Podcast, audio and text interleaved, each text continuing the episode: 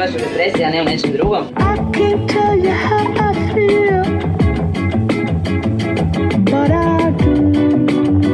Depresija, osnovni simptomi. Osjećaj beznadnosti, osjećaj krivnje, gubitak samopouzdanja.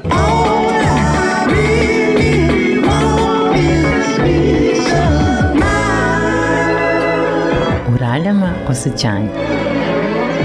Vodič kroz lavirinte naših emotivnih doživljaja.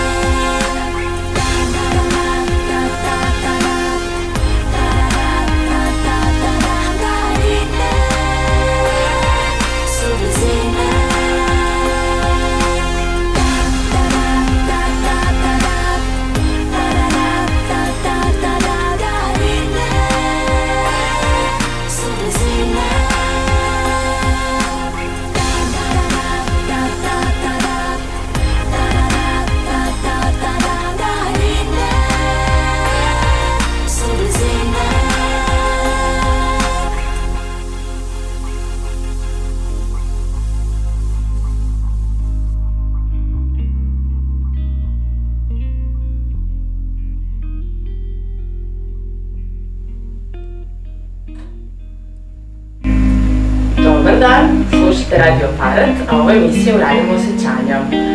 A, da, mogu sad da kažem već dobar dan, a? Sad već dobar dan ovo vreme. A, dolazi nam proleće polako.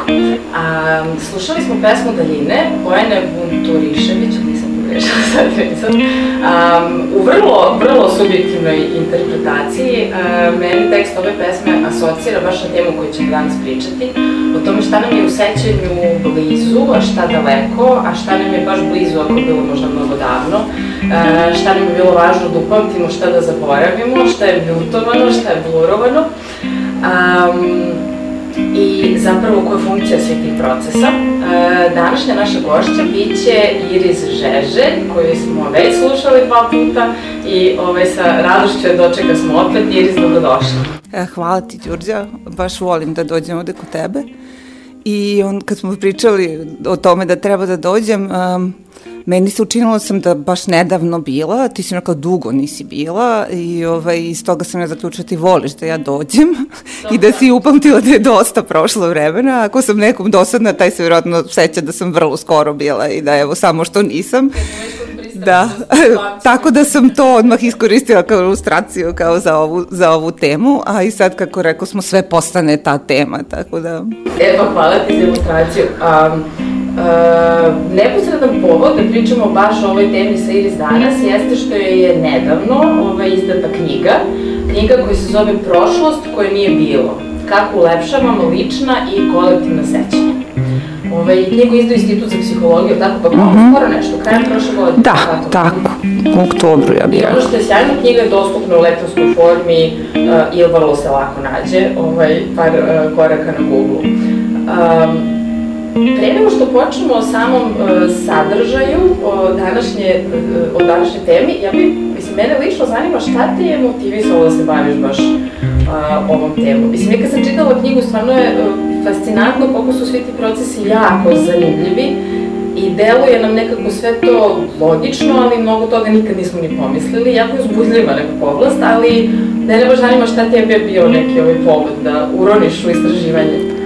Pa ličan je naravno um, i uh, ono što je meni kao fascinantno bilo od, od malena je, ja imam prilično dobro pamćenje, eto to je kao uh, jedna stvar na koju sam bila ponosna i uh, to me je često guralo u neke vrste sada rasprava o tome da li se ja nečega ispravno sećam ili ne. Uh, i uh, u nekim situacijama se dešavalo da je moja uverenost u to da se nečega jako ispravno sećam rasparena sa onim što je zaista bilo, ako je bilo dokumentacija o tome šta se desilo ili da se jako razlikuje od ne, drugih verzija tog istog događaja.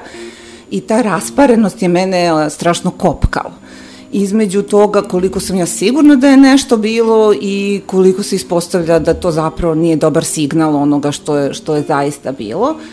I kad sam došla u priliku da se time istraživački bavim e, i to da onako ozbiljno u to uronim istraživački, ja sam i obe ručke prihvatila i to je zapravo tema mog doktorskog mog doktorskog rada. Znači, e, ja sam doktorirala na ovim pristrasnostima u sećanju i onda sam, eto, uh, imala prilike da osmislim niz eksperimenata u kojima sam proveravala te neke svoje, svoje pretpostavke o tome kako radi, kako radi sećanje i da čiščitam silnu literaturu, što psihološku, što drugu na tu temu i to mi je nekako bilo baš uh, uzbudljivo i strašno sam zahvalna na toj, uh, na toj prilici. Ono čime se e, ti baviš e, jeste autobiografsko sećanje, ali sve vreme praviš paralelu između autobiografskog i kolektivnog. E sad, e, ja bih da te zamolim da nam na početku objasniš te pojmove jedno i drugo, ovaj, a onda me jako zanima koliko je bilo teško porediti ta dva procesa koja deluju nekako i dosta različito. E, da, pa zapravo to su dve neke istraživačke linije kojima se ja u jednom i drugom bavim. Jedna se tiče baš e, tih e, ličnih pristrasnosti, posebno u pamćenju, a druga se tiče međugrupnih odnosa. I onda mi se učinilo da je ova knjiga dobra prilika da to nekako upari. Uh, šta je autobiografsko sećanje? Pretpostavljam da ga svako koristi jeli, u svakodnevnom govoru. U psihologiji ga definišemo kao sećanje u kome smo na neki način akter, dakle, koje je ukotvljeno u vremenu i prostoru i neki psiholozi dodaju još jedan uslov da treba da bude centralno za našu sliku, za našu sliku o sebi, to je da kažemo osporavan uslov, ali dakle za razliku od drugih vrsta uh, naših sećanja koje mogu recimo biti proceduralna kako vozimo bicikl, uh, kako rešavamo jednačine, autobiografska su lična, mi smo akteri i moraju biti uh, događajna, znači vezana za neki, za neki prostor i vreme. A kolektivna sećanja, prvo da se odmah ogradim da i sam pojam kontroverzan, ne govore svi o kolektivnim sećanjima, neki govore o zajedničkim reprezentacijama prošlosti. E, meni se učinilo da mogu da izaberem ovaj termin jer je zapravo cela knjiga uh, usmerena na uočavanje sličnosti u procesima ličnog i kolektivnog prisjećanja. Šta bi bilo to kolektivno sećanje? To je neka zajednička verzija grupne istorije E, koja je deljena, koju više članova, većina članova grupe e, zapravo poznaje e, i na koju se na neki način, ajde kažemo, pretplaćuje. I dakle koja može biti dosta centralizovana u smislu da je institucionalizovana, da je provučena kroz obrazovni sistem, da je uh, E, ukotvljena na, razne, na, na raznim zajedničkim ritualima, praznicima, e, kulturnim artefaktima. Dakle, to je prošlost, naša zajednička prošlost e, oko koje se, da kažemo, oko koje postoji neka vrsta društvenog konsenzusa. Eto tako, da kažem. To bi bilo kolektivno sećanje. Uh mhm. -huh. Ok, um, a autobiografsko, ajde samo možda da damo primer šta jeste, a šta nije. Rekla si, na primer, vožnja bicikla bi bila to proceduralno sećanje i znanje sada. Autobiografsko sećanje je u stvari sećanje na svaki doživljaj, jel, na svaki događaj u kome smo na bilo koji način učestvovali. Da, bi to ili, otprilike... Mhm. Tako, ili kome smo svedočili. Mm -hmm. Kažem, neki dodaju uh, i uslov da je taj događaj nekako ugrađen u sliku o sebi, da je centralan, da nam je dao neku informaciju o tome ko smo mi, te s toga ima poseban značaj, mm. ali nije to univerzalno prihvaćen uslov, mm. pa ga tako dajem kao uz neku, uz mm. neku ogradu. E, e, i sad kad si rekao to koliko je bitan za sliku o sebi, e, ono što se, e, mislim, više puta kroz knjigu provlači jeste to koliko je, koliko nam slika o nama uh, koliko usmerava to šta ćemo zapamtiti, a i u suprotnom, i u suprotnom smeru, i na ličnom i na kolektivnom i, uh, planu. I vola bi a, malo još to da nam možda objasniš. Da, ta dvosmernost je meni uvek bila intrigantna, jer ono što znamo o sebi je zapravo ono što, čega se sećamo o sebi. Uh, a, a ono čega se sećamo obeleženo je time šta mislimo u ovom trenutku o sebi, kakvo je, kakvo je naše aktuelno i znanje i stanje. E, I slično i naša aktuelna, da kažemo, pozicija kao grupe, pod grupom možemo da podrazumevamo bilo koju grupu koju se osjećamo da pripadamo, ali najčešće u knjizi se pominju, ne znam, etnička ili religiozna, nacionalna, koje imaju jasnu kulturno i deljenu istoriju.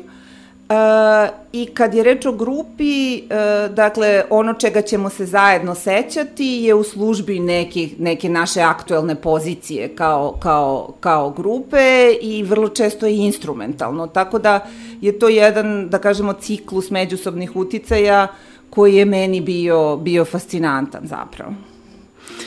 Super, hvala ti. Um, Ono što je meni isto bilo mnogo zanimljivo kad pričamo o kolektivnom sećanju jesu narativi i posebno nešto što se naziva master narativima. E, tako da bi isto i to da te pitam da, nas, da nam objasniš, zato što mislim da je jako zanimljivo. E, da, sad, nadam se neću zvučati banalno i to jesu neki uvidi koji kad steknemo onako deluju kao da su uvek bili tu, ali meni je zapravo bilo otkriće to da uh, i lična i kolektivna sećanja moraju da uzimaju neku narativnu formu, odnosno da mi uvek pričamo priče o sebi ili o grupi kojoj, kojoj pripadamo i da postoje neki zajednički kulturni narativi ili istorijski narativi uh, koji su uvek prisutni i koji se prelamaju sa grupe na pojedinca. I sad, evo, da budem konkretnija, da uh, možda bude jasnije na šta mislim, uh, ne znam, u američkom društvu je karakterističan taj master narativ od trnja do zvezda, sam si kovač svoje sudbine, sve je moguće samo ako želiš i to je i društveni i lični narativ i vrlo često se priče pričaju u tom ključu. I vrlo često i mi, mislim, to je stvar koja se do, u priličnoj meri proširila. Evo, razmislite o tome kada gledate, slušate neku priču, gledate neki film, ako se ona ne uklopi u ovu vrstu narativa, mi osjećamo da je nekako nasilno prekinuta, da nedostaje nešto što bi ga okončalo na način na koji na koji očekujemo. Znači, e, ti narativi, iako nekad ne umemo ni da ih artikulišemo, zapravo u velikoj meri određuju i naše očekivanja i interpretaciju, interpretaciju događaja, našu ideju, ideju o tome šta je početak, šta je kraj nečega, što je takođe relativna, relativna stvar, a jako važna i u ličnoj i još više u kolektivnoj istoriji. Hajde da kažemo, lična je jasno omeđena jeli, životom pojedinca, ako ništa drugo, kod kolektivne zapravo nikad ne znamo ni šta je početak. Uh, I u tom smislu imamo mnogo veću, mnogo veću fleksibilnost, tako da je ta priča zapravo ono što nam od, na, o, daje strukturu i omogućava da, da razumemo o, o, ta, ta kolektivna sećanja. Znači, ona nam daje taj interpretativni okvir uh, onoga što se dešavalo ili nama ili, ili, ili grupi. Uh, I kad je reč o istorijskim narativima, ne želim da, da se stekne utisak da su oni da kažem, nužno jako sofisticirani. Oni mogu biti baš rudimentarni, oni mogu biti uh, očekivanje da će naša grupa uvek ispasti ono good guy. E, I kada pitamo srednjoškolce o tome šta se to dešavalo, na primjer, 99 oni samo imaju neku rudimentarnu ideju o tome e, da je naša država napadnuta, da je to bilo nepravedno i da... I da smo e, pobedili.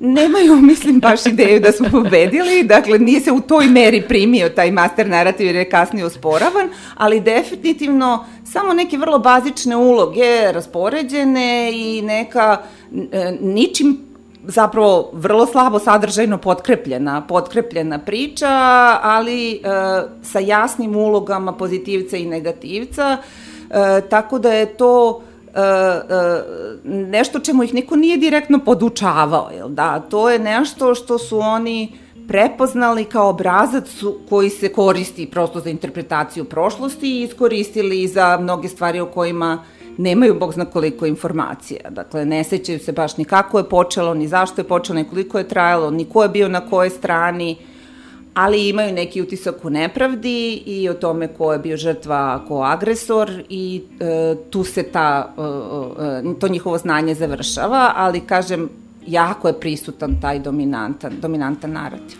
A koliko je to istraženo i koji je tvoj lični utisak? Um, koliko su u stvari ti narativi iz kolektivnog sećanja koji služe da interpretiramo nekakvu istoriju jel, grupe, koliko se prelivaju na interpretaciju ličnih događaja?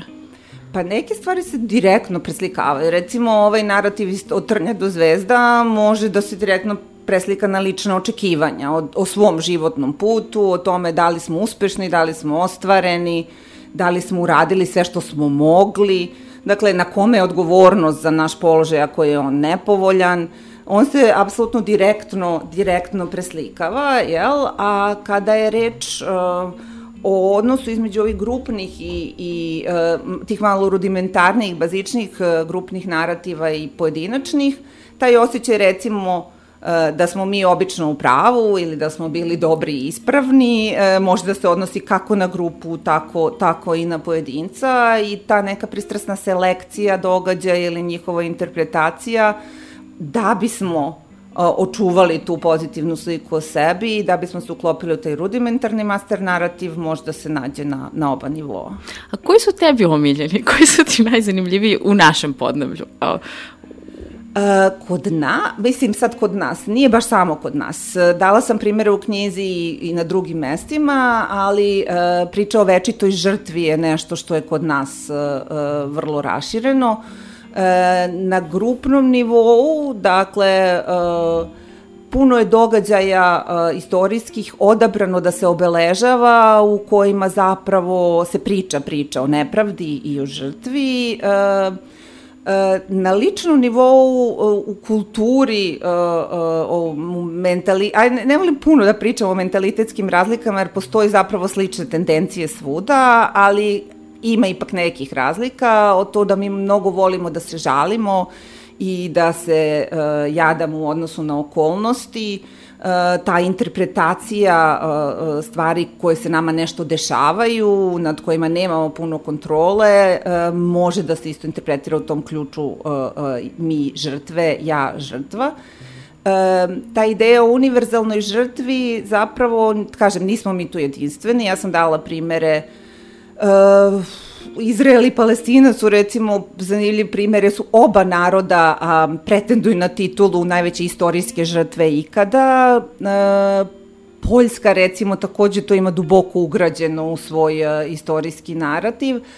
A, Ono što je psihološki zanimljivo je otkud to, e, zašto bismo mi se pretplaćivali na tu takav pogled na istoriju, šta nam to zapravo e, garantuje. E, ali e, kad malo razmislimo o tome, pozicija žrtve je dosta nagrađujuća. Ona nam daje i moralnu licencu da radimo mnoge stvari, dakle, e, iz pozicije žrtve opravdano je da reagujemo na razne, e, na razne načine i u tom smislu nas nekako oslobađa, oslobađa nas odgovornosti koje bismo inače imali i Zbog toga se uveo jedan termin uh, uh, u psihološku literaturu koji se kaže uh, competitive victimhood, znači taj takmičenje za poziciju žrtve, dakle taj ideja o tome ko je veća žrtva i ako je i ko slušao šta se govori u javnom prostoru na Balkanu, vidjet ćete da smo mi svi neprestano u takmičenju za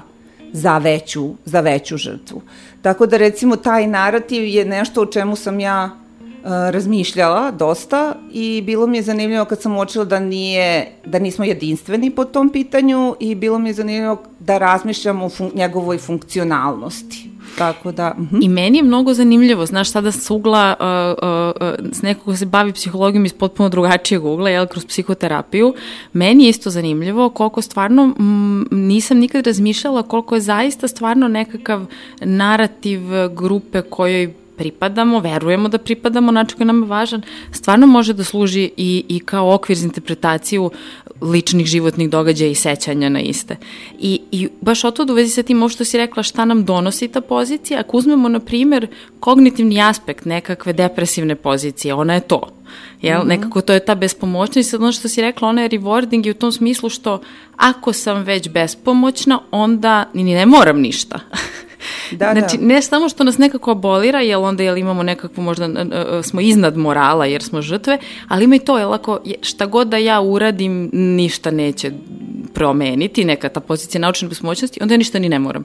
I onda koliko god, jel, bilo ko koji ikad bio depresivan zna koliko je to grozno uh, osjećanje, ono ima tu nekakvu sekundarnu psihološku dobit, a to je da onda stvarno ništa ne moram.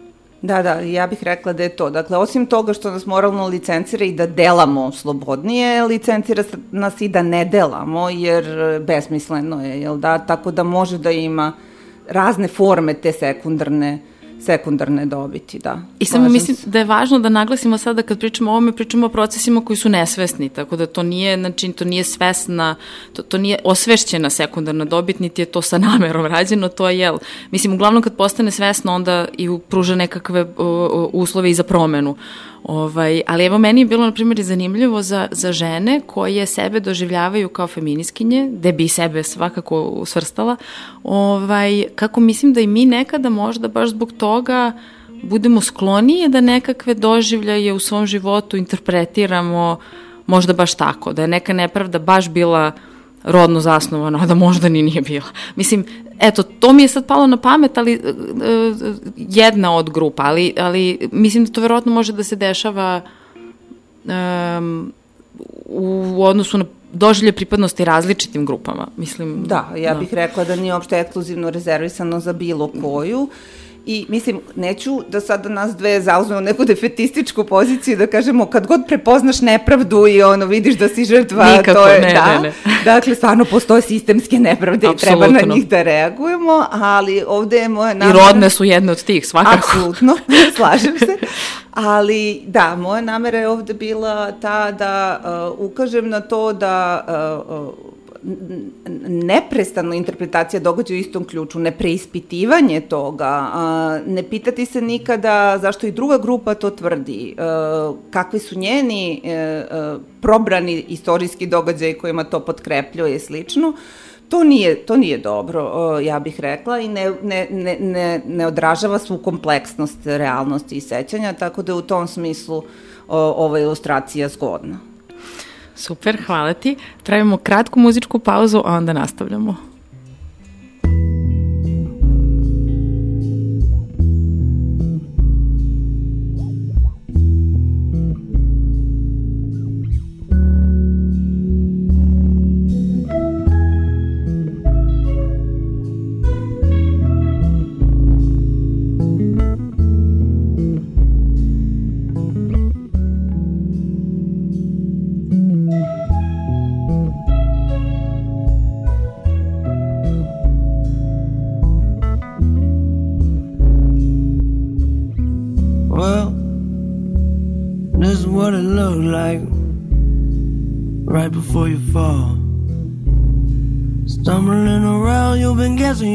Direction, except you can see it all.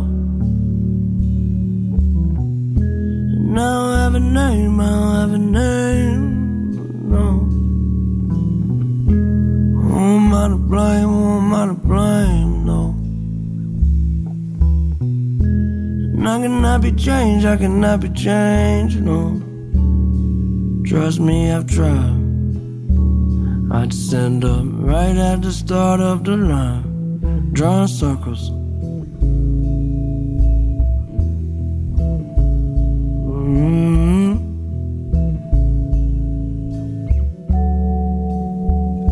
Well, I drink my whiskey, you sip your wine.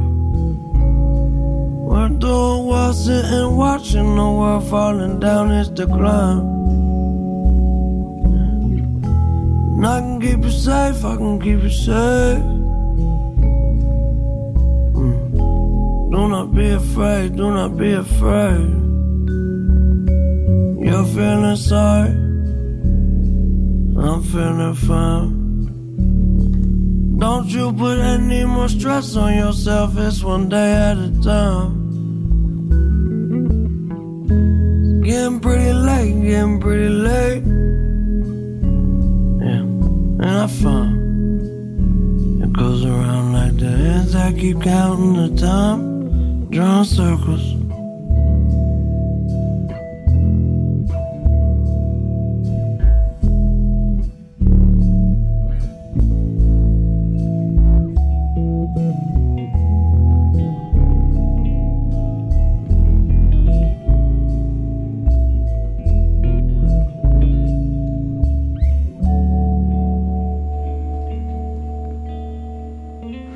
Vraćamo se u studio, slušate Radio Paret, emisiju Raljamo osjećanja. Ovo je bio Mac Miller, pesma Circles. A, pričamo o sećanju i tome kako menjamo ta sećanja i zašto. A, a pre nego što pređemo na zaboravljanje, ovaj, još malo ćemo Iris uh, Žeželj, našu današnju gošću, da pitamo o pamćenju I jedno zvučat će potpuno blesovo pitanje, zašto pamtimo i zašto nam je to važno? Um,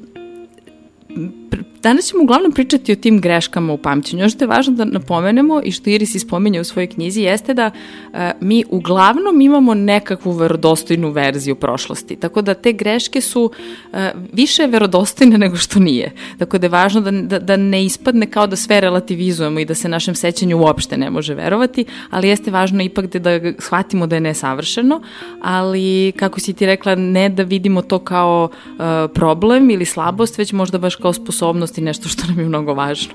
E, pre nego što pređemo na to zašto je zaboravljanje važno, uh, sledi pitanje što je pamćenje važno? Koja je njegova funkcija? E, hvala ti na ovoj ogradi, ja je pravim u knjizi, ali onda nastavim da pišem sto strana o greškama, pa je onda super da stavimo to stvarno u ovaj kontekst. E, I sad možda će i ovo biti dosta uh, očigledno, ali uh, dakle pamćenje, ajde da kažemo, uh, ima tri neke osnovne funkcije. Jednu smo pominjali i ona je zaista sasvim jasna, a to je ova identitetska. Dakle, daje nam osnovu slike o sebi ili grupi koje pripadamo. Ceo sadržaj toga je zapravo uh, pamćenje. E, tako da je e, u tom smislu to jedna nesporna stvar. E, kada budemo govorili o greškama i nesavršenostima, onda možemo da se vratimo na taj osjećaj kontinuiteta, identiteta koji je stabilan i slično, ali ono što je činjenica je da je to suština naše slike, slike o sebi. Dve možda manje očigledne funkcije pamćenja su direktivna, ona nas dakle uči nas E, kako treba da se odnosimo prema svetu, daje nam ciljeve u odnosu na budućnost, daje nam ovaj interpretativni okvir o kome smo malo pre pričali.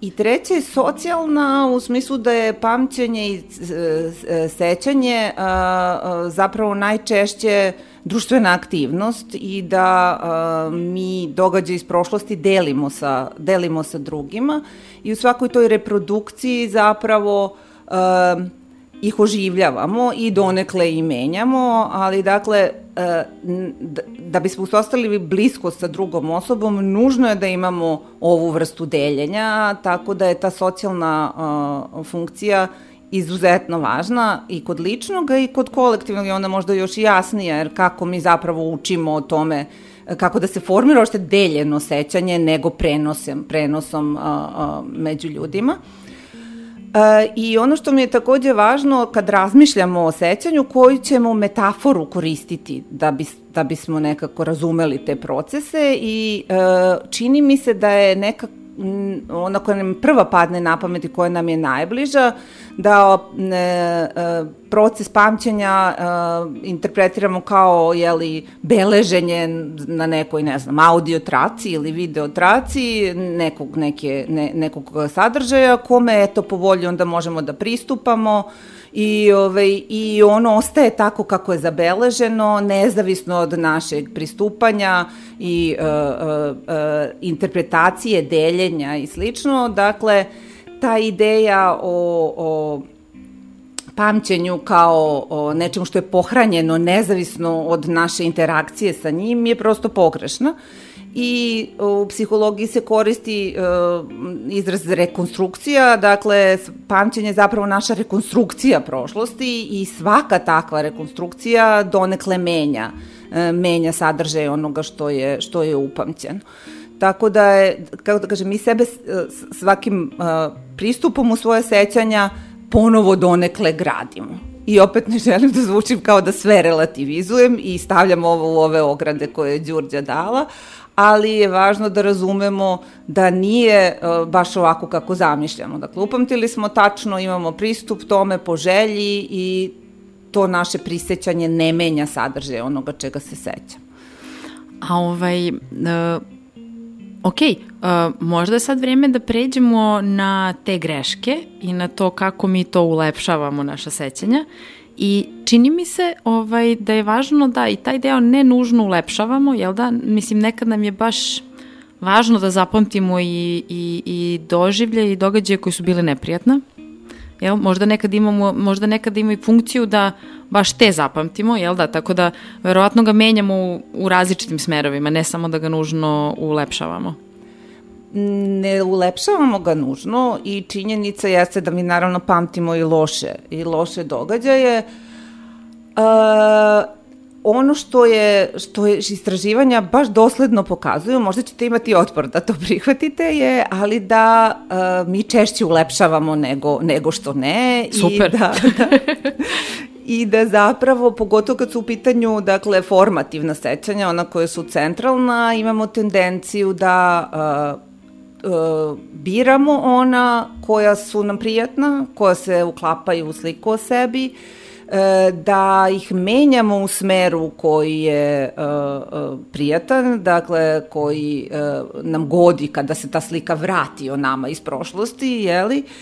I da to može da, dakle, to jeste pravilo koje ima svojih izuzetaka. Uh, nekada se sećamo loših događaja da bismo pokazali sebi da smo napredovali, jeli? tako da je i ta funkcionalnost moguća, a postoje i stanja u kojima se ljudi e, zaista strateški prisećaju loših događaja ili ruminiraju nad njima i to ih na neki način okupira i, i muči, ali kada govorimo o dominantnim procesima, nekliničkim procesima, to su ovi procesi ulepšavanja. Okej. E, ništa, sada ovaj, e, ti prepuštam ovaj da, da naširoko pričaš o tim greškama i zapravo ono što mi je još zanimljivije o tome što su one važne. Zašto zaboravljanje nije, um, nije samo nesavršenost ili slabost, već zašto je baš sposobnost. I samo da kažem, jako je lepo u knjizi kako ima puno citata i filozofa i iz umetnosti, a na kraju svakog poglavlja imate i reference šta biste mogli da pročitate ili odgledate od filmova na tu temu, tako da dopašće vam se to budete budete čitali knjigu. Da, tu sam se trudila da dajem preporuke prilično lično i ta lista preporuka je bila baš dugačka i sad sam se žalila Đurđi da nisam sve preporučila što sam želela, ali uh, dakle, uh, da, potrudila sam se da nekako to stavim u kontekst, jer toliko je ljudi razmišljalo i izrazilo se na temu sećanja, da je to bio jedan ogroman zadatak, preplavljujući. E, i ovo je prosto samo mala porcija, jedna sa, savladiva porcija te priče iz psihološkog ugla. E sad, e, zaboravljanje, to mi je važno da kažem, jer mi je to bilo neka opet vrsta ličnog otkrića, da zapravo zaboravljanje mi intuitivno tretiramo kao neku slabost pamćenja, da? I da je ideja o tome da zaboravljamo prosto zato što ne možemo sve da upamtimo i da bi idealno neko stanje bilo da se nepogrešivo sećamo svega ali uh, um, to zapravo je, sasvim je jasno da nije tako i uh, ako napravimo eksperiment o tome kako bi izgledalo da se stvarno nepogrešivo sećamo svega, koji je rađen u literaturi i ja tu referiram i na Borgesovu kratku priču uh, uh, Funes o sećanju ili uh, referiram na jednu meni jako dragu priču Teda Ćanga o tome kada bi se društvo izumelo o, o, i pohranilo negde sva lična sećanja, da kako bi nam to služilo za međuljudske odnose, jel?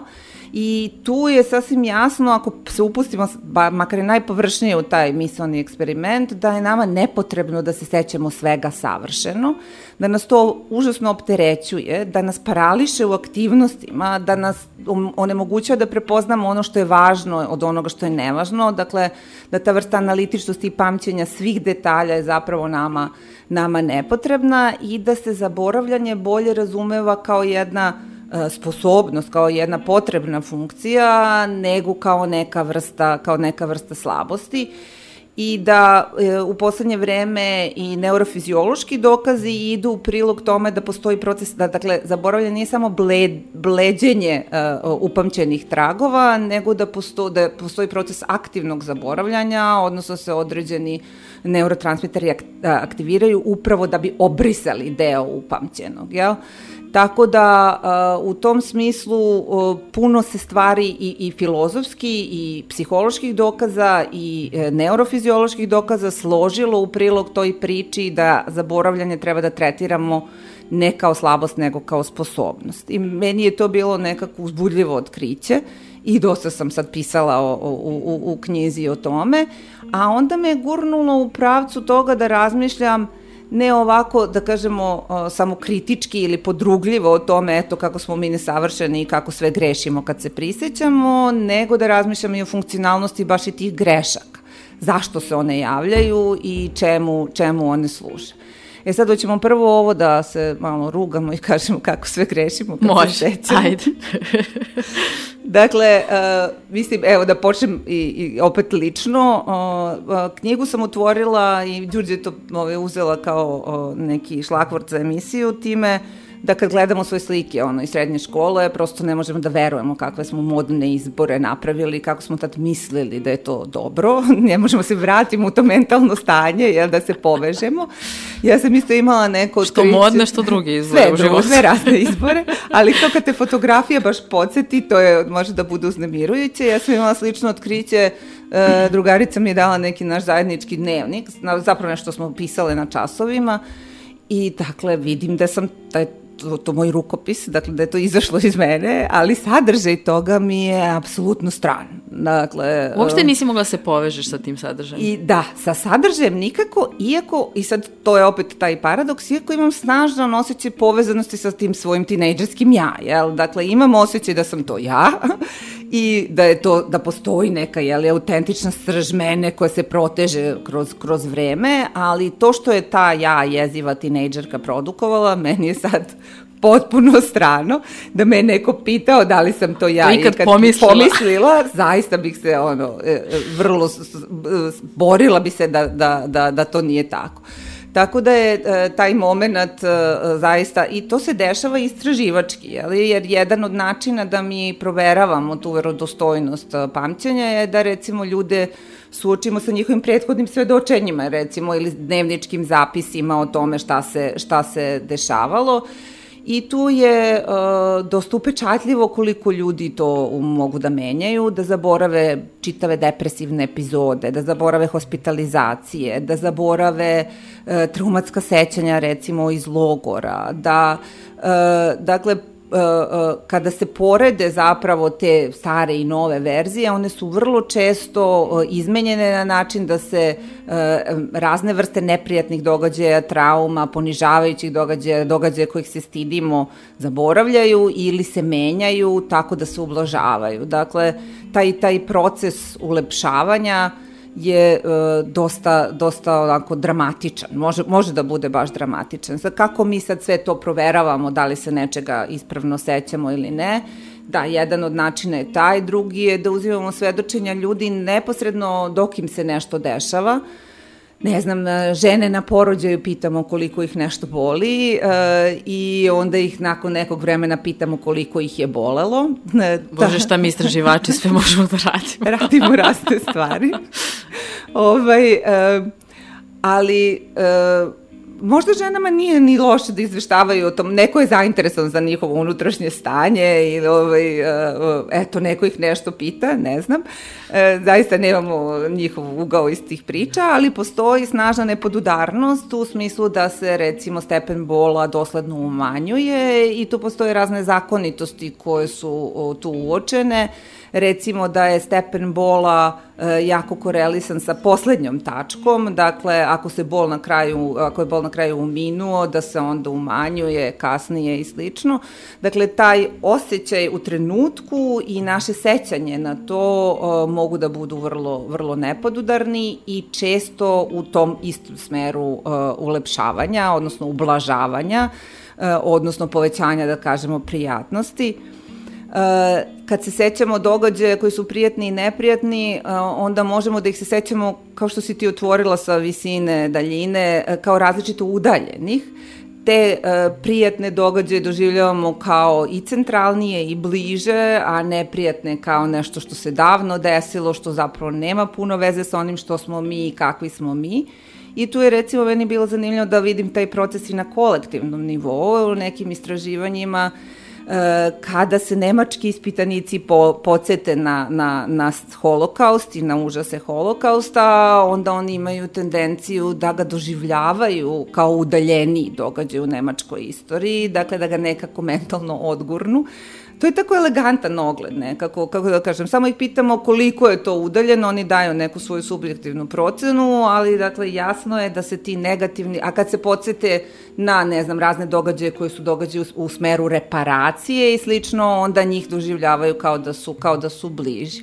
Znači, meni je bilo uzbudljivo da uočim te neke paralele između naših ličnih uh, tih strategija ulepšavanja. Kad kažem strategija, ne mislim na to da je to Svesno. svesno mm -hmm. um, ali strateški je utoliko što služi tom cilju, jeli, služi tom ulepšavanju slike o sebi i grupi. Tako da je meni to bilo zanimljivo da, da, da posmatram te vrste paralela. Uh, Ono što je takođe zanimljivo i vezano je za ovu rasparenost između našeg osjećaja sigurnosti u neko sećanje i njegove tačnosti. Na kolektivnom nivou postoji fenomen koji se zove blic sećanja. To su sećanja na nekle dramatične, društveno važne događaje. Ne znam, u američkoj literaturi je to sećanje na ubistvo Kennedy, recimo, ili na eksploziju Challengera A kod nas smo mi radili istraživanja gde smo pitali ljude, recimo gde su bili, šta su radili, pa sad zavisi od uzrasta, kada su čuli za Titovu smrt, kada su čuli na, za atentat na Đinđića, ja sam pitala sad studente kad su čuli da je proglašena pandemija COVID-a, I ono što je zanimljivo je da ljudi imaju osjećaj da se apsolutno kristalno jasno sećaju okolnosti u kojima su se toga, uh, u kojima se to desilo. Uh, sa velikim brojem detalja oni to ovaj, opisuju, da bi onda kasnije naknadna istraživanja utvrdila da tu često ima gomila materijalnih grešaka, recimo da imaju pogrešna sećanja o tome gde su nešto videli, šta se to zapravo desilo, u koje vreme se desilo, e, s kim su zapravo bili, da im se menjaju ta blic sećanja ako ih pitate godinu dana kasnije, a sigurnost ostaje. Dakle, taj taj signal o tome da je to nepogrešivo znamo,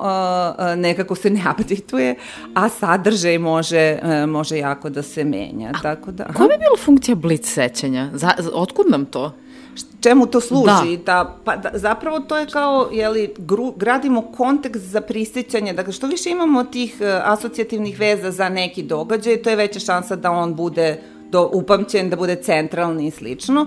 I dakle, ta ideja o tome bolje ćemo ga zapamtiti ako čitav kontekst uh, nam je uh, dostupan, uh, gradi tu vrstu, tu vrstu potrebe, ali eto, ono što je zanimljivo je, hop, opet, dakle, ta sećanja su karikature, to nisu greške koje su, uh, da kažemo, crno je belo, dakle, postoje neki, neki, srž koji je zapravo isprava, ali, ali ljudi se zaprepaste kada vide koliko je materijalnih grešaka, materijalnih grešaka zapravo u tome. Tako da je to jedna meni isto bila zanimljiva istraživačka linija zbog te, zbog te rasparenosti i uh, uh, to da smo mogli da uzmemo neke za nas relevantne kulturne događaje i onda gledamo da li se zapravo beleži, beleži ista stvar. Jasno. Ono što je stvarno važno što si rekla, da to nisu svesni procesi, da ne govorimo o laganju. Ti kada si čitala taj dnevnik, da te neko pre uvida u tu svesku, pitao da li si ikad to pomislila, ti bi apsolutno autentično rekla ne. Apsolutno. Tako da mi je zanimljivo i ovo što spominješ fenomen lažnih sećanja, da su potpuno isfabrikovani neki, je li tako, događaji. Da. Ovaj, to, to ja, ja sad, ako ćemo napravimo nekako poređenje, verujem da bi uzmimo čak i da je taj detektor laži dobra sprava, verujem da u slučaju lažnih sećanja tu nema reakcije. Mi smo mi apsolutno autentično uvereni da mi govorimo istinu, tako? E, to su sad dve, dve stvari. Jedno je da kada dajemo tu neku modifikovanu verziju događaja i naša uverenost da je to tako bilo ili da se uopšte nečega ne sećamo i ne pripisujemo to sebi.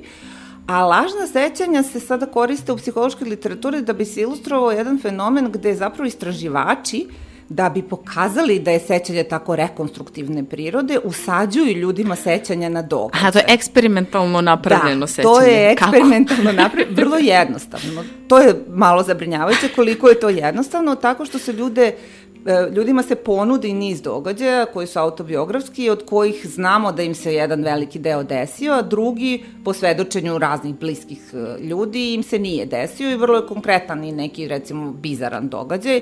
U našim istraživanjama mi smo koristili, recimo, olizala ga Kamila u zološkom vrtu ili gađali se tortama na svadbi i nešto slično. E, I dakle, i ljudi sada u prvoj iteraciji to ne prepoznaju recimo kao svoje sećanje, ali ako im se ponudi nekoliko puta kao nešto što im se možda desilo, jedan procenat ljudi počinje da prepoznaje to kao sobstveno sećanje. Koji procenat? E, tako da on nije toliko stabilan, ali mi beležimo 20 do 30% Opa, nije ljudi, mali. nije mali, koji počne da uh, tvrdi da je to njihovo sećanje. E sad, uh, nekada se dešava, opet kod još manjeg procenta, da se i to sećanje jako obogati detaljima i da se u toj meri usvoji, da je kvalitativno gotovo nerazdvojivo od nekih autentičnih sećanja. Uh, mi to uvek ne beležimo i to je zaista manjinski proces, ali strašno zanimljivo koliko je to zapravo jednostavno. I isto tako istraživanja koja se bave svedočenjima na sudu, jer mi isto tu imamo intuitivnu pretpostavku da je čovek nešto video svojim očima i to je jedan od najvalidnijih dokaza da se nešto desilo, jel? Koliko su ta sećanja fragilna, recimo, uh, govore istraživanje o tome uh, kakav efekat ima forma nekog pitanja koje se postavi. Recimo, da li ćemo, sad ovo klasično, prepostavljam se sećaš sa studija, da li ćemo reći kao kojom su brzinom išli automobili kada su se sudarili ili kada su se skršili ili kada su, dakle, izaberemo samo ono, uh, gotovo sinonim. E, razlike u proceni brzine su velike. E, kad se postavi ovo dramatičnije pitanje, ljudi se sećaju slomljenog stakla koje nikoga nisu videli i slično. Dakle, vrlo subtilni ti, e, da kažemo, ta subtilna gurkanja mogu da jako oblikuju naše, naše sećanje, naše sećanje na događaj. Tako da je to um, Od te ideje o tome imamo jedan savršeni zapis prošlosti kome pristupamo po volji, e, nagomilalo se dokaza da to u stvari nije tako i da postoji jedna fragilnost e, u, u, u sećanjima i ta, da, je, da su ti rekonstruktivni procesi zapravo ono što, što, što je dominantno. E, pre nego što pređemo na ove ideje, u stvari koliko nam je zaboravljanje adaptivno i koliko je važno da postoji, e, hoću da te pitam za još jedan, jednu stvar koja meni bila jako zanimljiva, a to je um, taj deo, uh, i sad razmišljam koliko ovo rekonstrukcija, koliko ja možda menjam sad svoje sećanje, ali ja sam, i, bilo mi je uvek izazovno da verujem ljudima koji govore o najranijim sećanjima nakon rođenja ili u prvoj godini. Međutim, ono ko sam dobro razumela uh, jeste da zapravo m, to je teško moguće ako ništa drugo za početak zbog nekako uh, razvijenosti našeg nervnog sistema i kognitivnog sistema u tom trenutku. E, tako da, od kad je zapravo moguće da se sećamo, a e, do kad su to možda neke priče naših roditelja koje smo na sličan način kao ovim eksperimentarnim procedurama usvojili? Da, a, pa ta amnezija ranog detinstva važi da traje 3 do 4 godine. A, svakome kad se to kaže zvuči dugo, jer svako ima neko ranije sećanje od toga. Koliko nas sad vrlo će poraženo. pa, imamo ta sećanja, osjećamo ih kao svoje. Ja imam sećanje u, u, u stanu u kome sam živjela sa godinu dana, dakle, e, sa sa ove stan, kad, kad bi stavila ovaj šešir, jeli, e, istraživačice, psihološkinje, ja bih rekla to, to je nemoguće sećanje.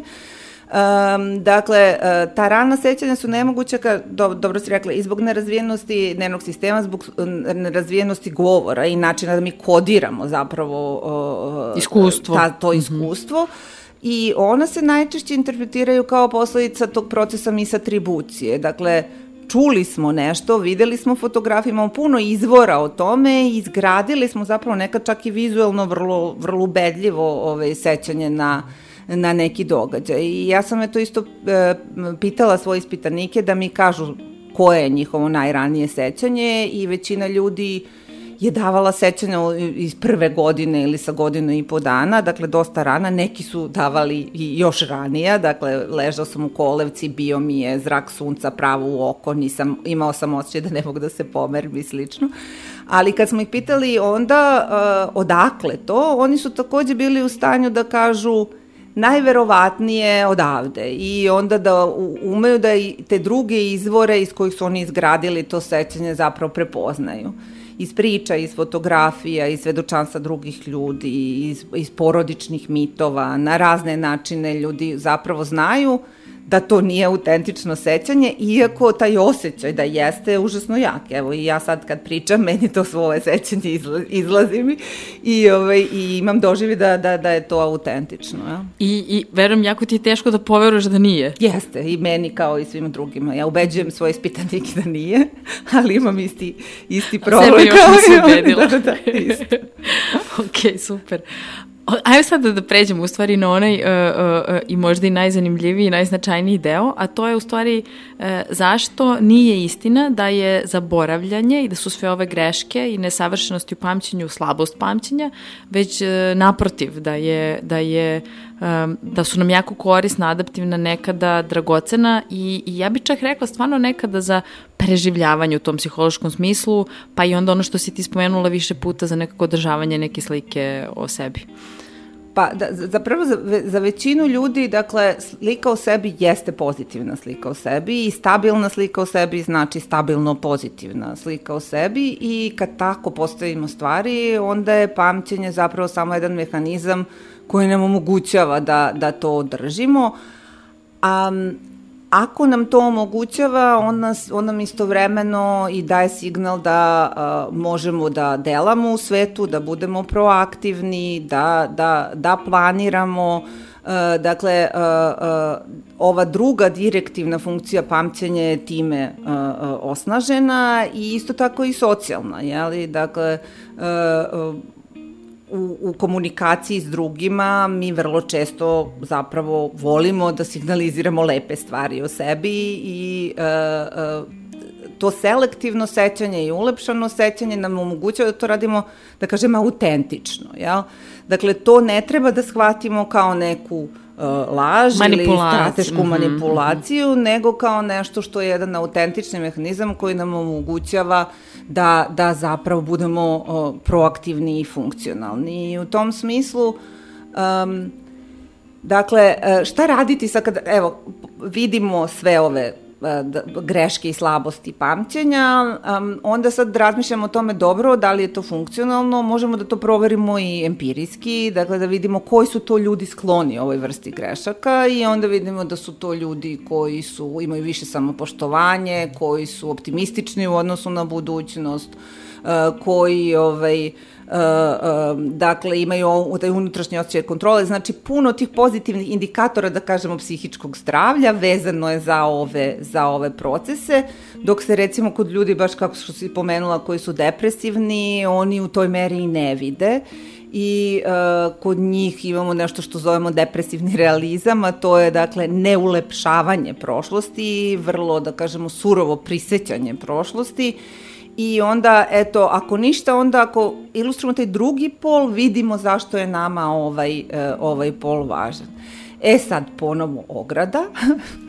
e, prepoznajemo tu vrstu funkcionalnosti, vidimo da je ona da je ona da je ona neophodna, to ne znači da mi nikad ne treba da se korigujemo, je li? I da ako vidimo da e, postoje različite verzije istog događaja koje potiču iz različitih od različitih aktera i slično, da treba da se oglušimo od tuđe i verujemo samo u svoju i slično. Uh, da, I to smo isto radili eksperimentalno, dakle pitali ljude, hajde da navedite događaj koga se različito sećate vi i neko drugi. Sva, jako je mali procenat oni koji to ne mogu da urade, dakle od 2 do 10%, dakle svi imamo događaje koje vrlo različito pamtimo u, u, u, u zavisnosti od, dru, od toga kako smo u njima učestvovali. Uh, E, ima puno zabavnih primjera u knjizi, eto to je, a, ovaj, to sam se potrudila da, da je, jako su mi dragi i onda sam nekako bila galantna u davanju tih primjera, um, ali dakle, e, ta ideja o tome da je to funkcionalno zapravo o, ne znači da treba da ga nikad ne korigujemo ili da ne budemo osetljivi na te vrste razlika. I to je možda još, da kažemo, važnije, važnije upozorenje, ograničenje kada razmišljamo o kolektivnim sećanjima, jer dakle e, e, i tu smo rekli da mi probiramo e, sećanja koje se uklapaju tu pozitivnu sliku o grupi kao nekom moralno ispravnom agentu koji dakle deluje tako da je na strani pravde, koji ako je upleten u nešto što je negativno, to je zapravo reaktivno i slično. E, e, dakle, kad bismo, i jasno je zašto je to funkcionalno, jasno je zašto nam je to potrebno, ali s druge strane i drugoj grupi je na isti način potrebno i na isti način je to funkcionalno, e, tako da je u tom smislu prepoznavanje toga e, nekako može da bude, može da bude lekovito i e, ti master narativi koji su specifični za jednu grupu mogu biti sasvim drugačiji za drugu i e, samo suočavanje sa tim razlikama e, može da bude zanimljivo. I e, u knjizi daje mi neke primere nastave istorije koja se bazira na tome, dakle na davanju prosto različitih verzija istih događaja koje potiču iz različitih, iz različitih grupa gde možemo da prepoznamo zašto je jedna grupa izabrala jednu, a druga grupa drugu verziju i samo to prepoznavanje te funkcionalnosti bi moglo da bude bi moglo da bude lekovito. Dakle, ta vrsta abstrakcije nas dovodi na zapravo u istu poziciju, da radimo iz istih motiva uh, te stvari, iako rezultuju recimo toliko rasparenim verzijama, verzijama istorije. To mi je zanimljivo, setila sam se neke uh, scene iz mog detinstva gde se moji roditelji raspravljaju sa svojim prijateljima s kojima su se uh, mimo ilazili u političkim ideologijama, da li jesu ili nisu bili tenkovi na ulicama, eto, čega sam se sad setila. Da. Ovaj, de, de, da zaista bilo, sve mislim, autentično, autentična verzija u potpuno različite scenarije s obe strane. A, I sad o tome koliko adaptivno, evo razmišljam o tome sad skoro, uh, uh, moje bliske prijateljice sad imaju, dobile su decu i onda me pitaju za neke stvari od prvi godin dana, pa je spavala, kako je spavala, kako se uspljivila. Ja se autentično ne sećam. A dok je trajalo, ja sam mislila te stvari nikada neću zaboraviti, nikada. Ja sam mislila da to, sad stvarno, evo, nemam pojma koliko sam je uspavljivala, koliko dalje je bilo teško. E, onda se polako prisjećam da sam, da sam maltene ono, čučnjeve e, sa njom u, u rukama radila da ne bi prestala da plače, ali to stvarno zaboravimo. I onda sam se setila svoje drugarice koja ima tri deteta, vrlo hrabro. Sećam se, e, u drugoj trudnoći mi je rekla, slušaj me sad dobro, ako ti budem rekla da hoću treće, da me pljuneš i da mi, da mi, jer ću ja sve ovo zaboraviti, on imala stvarno tešku trudnoću u smislu mučenja i to zaboravila i napravila i treće dete. Ovaj, tako da, da, nekako jasno, eh, jasno je čemu nam zaboravljanje služi. Da, jeste, mislim i kao svesni smo u tim trenucima da je to, da je to zapravo funkcionalno, ali kao pokušavamo da se, da se evo, ona pokušava da se na neki način od toga odbrani kao pravi spoljašnje ključeve, ali ti mehanizmi su tako jaki da zapravo i, i, i da, isto ta, taj primer baš ili sa porođajem ili sa tim nespavanjem ili sa teškim trudnoćama uh, je vrlo jasan za, čemu to služi, jeli? Ako ništa drugo, evo, opstanku vrste to služi, tako da je ovaj, tu funkcionalnost baš uh, nesporna. Teško da, mislim, i onako i u šali, kao kad pričam, jednostavno, podsjeti me sledeći put kad budem upoznala tipa da moram da vodim račun o tom i tome. Ali da, znači, čak smo u šali nekad pravile spiskove, zato što nam je jasna ta sila prirodna koja vodi ka zaboravljanju. Da, da, da, da. Super mi je, super mi je to i razmišljam sve vreme u stvari koliko um, koliko sa, sa druge strane ove nekako terapijske i kliničke možemo lako da razumemo mehanizme odbrane, jel, čemu služe. Ne samo da ne, mislim, ne možemo, nije nam adaptivno da sve držimo u svesti u trenutku i ni ono što se dešava, ni sećanje na, na, na prošle doživlje. I sad baš ovo što si ti spomenula, kad si rekla većina ljudi ima pozitivnu sliku u sebi, a ja sad razmišljam o svima nama koji smo imali iskustva depresivnosti, kako se s tobom ne bismo složili. Ovaj, a, I u stvari koliko i nekako sad, koliko se koncepti različiti teorijski i iz, iz nekih paradigma terapijskih uklapaju u ovu priču, kao šeme, na primjer. Mi pamtimo ono što se uklapa u našu šemu o sebi, ne pamtimo ono što se ne uklapa, jel? Mm. I da li je to, to je adaptivno za šemu, nije dobro za nas, ali zato, jel, kad uspemo da se izložimo i probamo da prigrlimo korektivne iskustva koja zapamtimo, onda one prave promenu i o našoj slici o sebi. Da, mislim, puno je, da kažem, termina koji su ono, rebrendirani u raznim psiho, iz različitih psiholoških uh, oblasti, pa recimo da, i šeme i razni psihoterapijski procesi zapravo mogu da se prepoznaju ovde. I ovaj, uh, I da, dakle, postoji ta opasnost da nas, i, da li ćemo ga zvati master, lični master narativ ili šema ili šta god, da nas ograniči i da nas gura u stalno istu interpretaciju u prošlosti i u iste greške u budućnosti.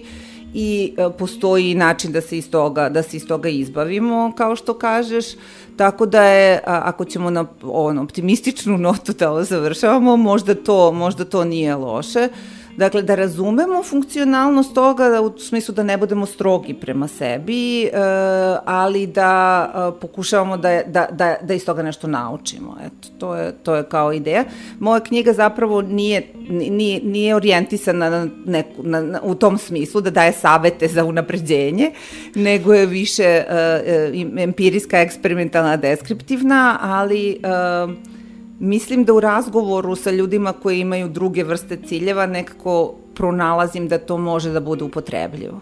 Svakako i meni se baš dopada što nije knjiga kao za pomoć kako da bolje pamtimo, već baš da prigrlimo sve to što zaboravljanje i takozvane nesavršenosti pamćenja donose. Da, da, da. Uglavnom kad kažem da kao bavim se pamćenjem, onda ljudi počnu da mi pričaju o tome koliko su u poslednje vreme postali zaboravni.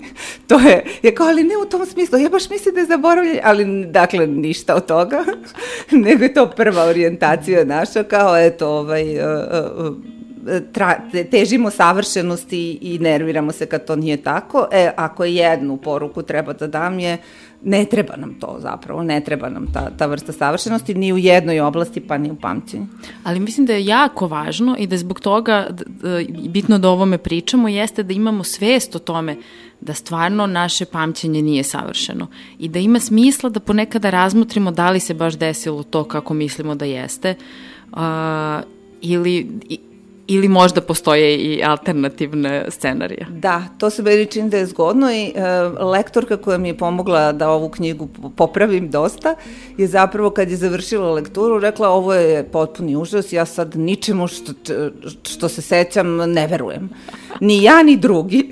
Tako da je ona upropastila, upropastila se na taj način. Iako, ne znam ni ko sam, ni kuda idem. da, iako stoji ta ograda kao koju si i ti napravila, stvarno sto strana ilustracija da to nije tako, ovaj, je nju obeshrabrilo, ali ovaj, e, mislim da je to dobra direkcija na kraju krajeva, da se preispitujemo da li je ta, ta, to naše osjećanje da se nešto desilo baš tako u stvari ispravno. Mnogo ti hvala, Iris. E, hvala Još te, jednom svima preporučujem da čitaju knjigu. Dakle, knjiga se zove Prošlost koje nije bilo. Kako ulepšavamo lična i kolektivna sećanja. E, autorka Iris Žeželj, naša današnja gošća. Moje ime je Đurđe Timotijević. Ovim završavamo emisiju, ali za kraj poseban poklon. E, osim što je super pesma i u znak podrške, e, slušamo Gypsija Greh, favorit na, za domaću Euroviziju. Slušamo se za mesec dana.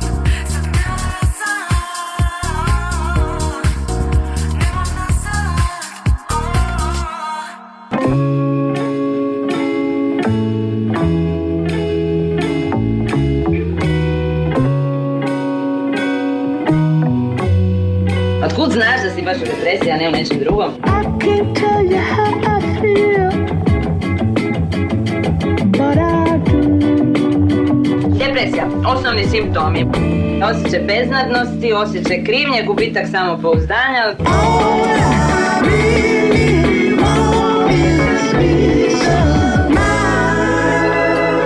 U raljama osjećanja. Vodič kroz labirinte naših emotivnih doživljaja.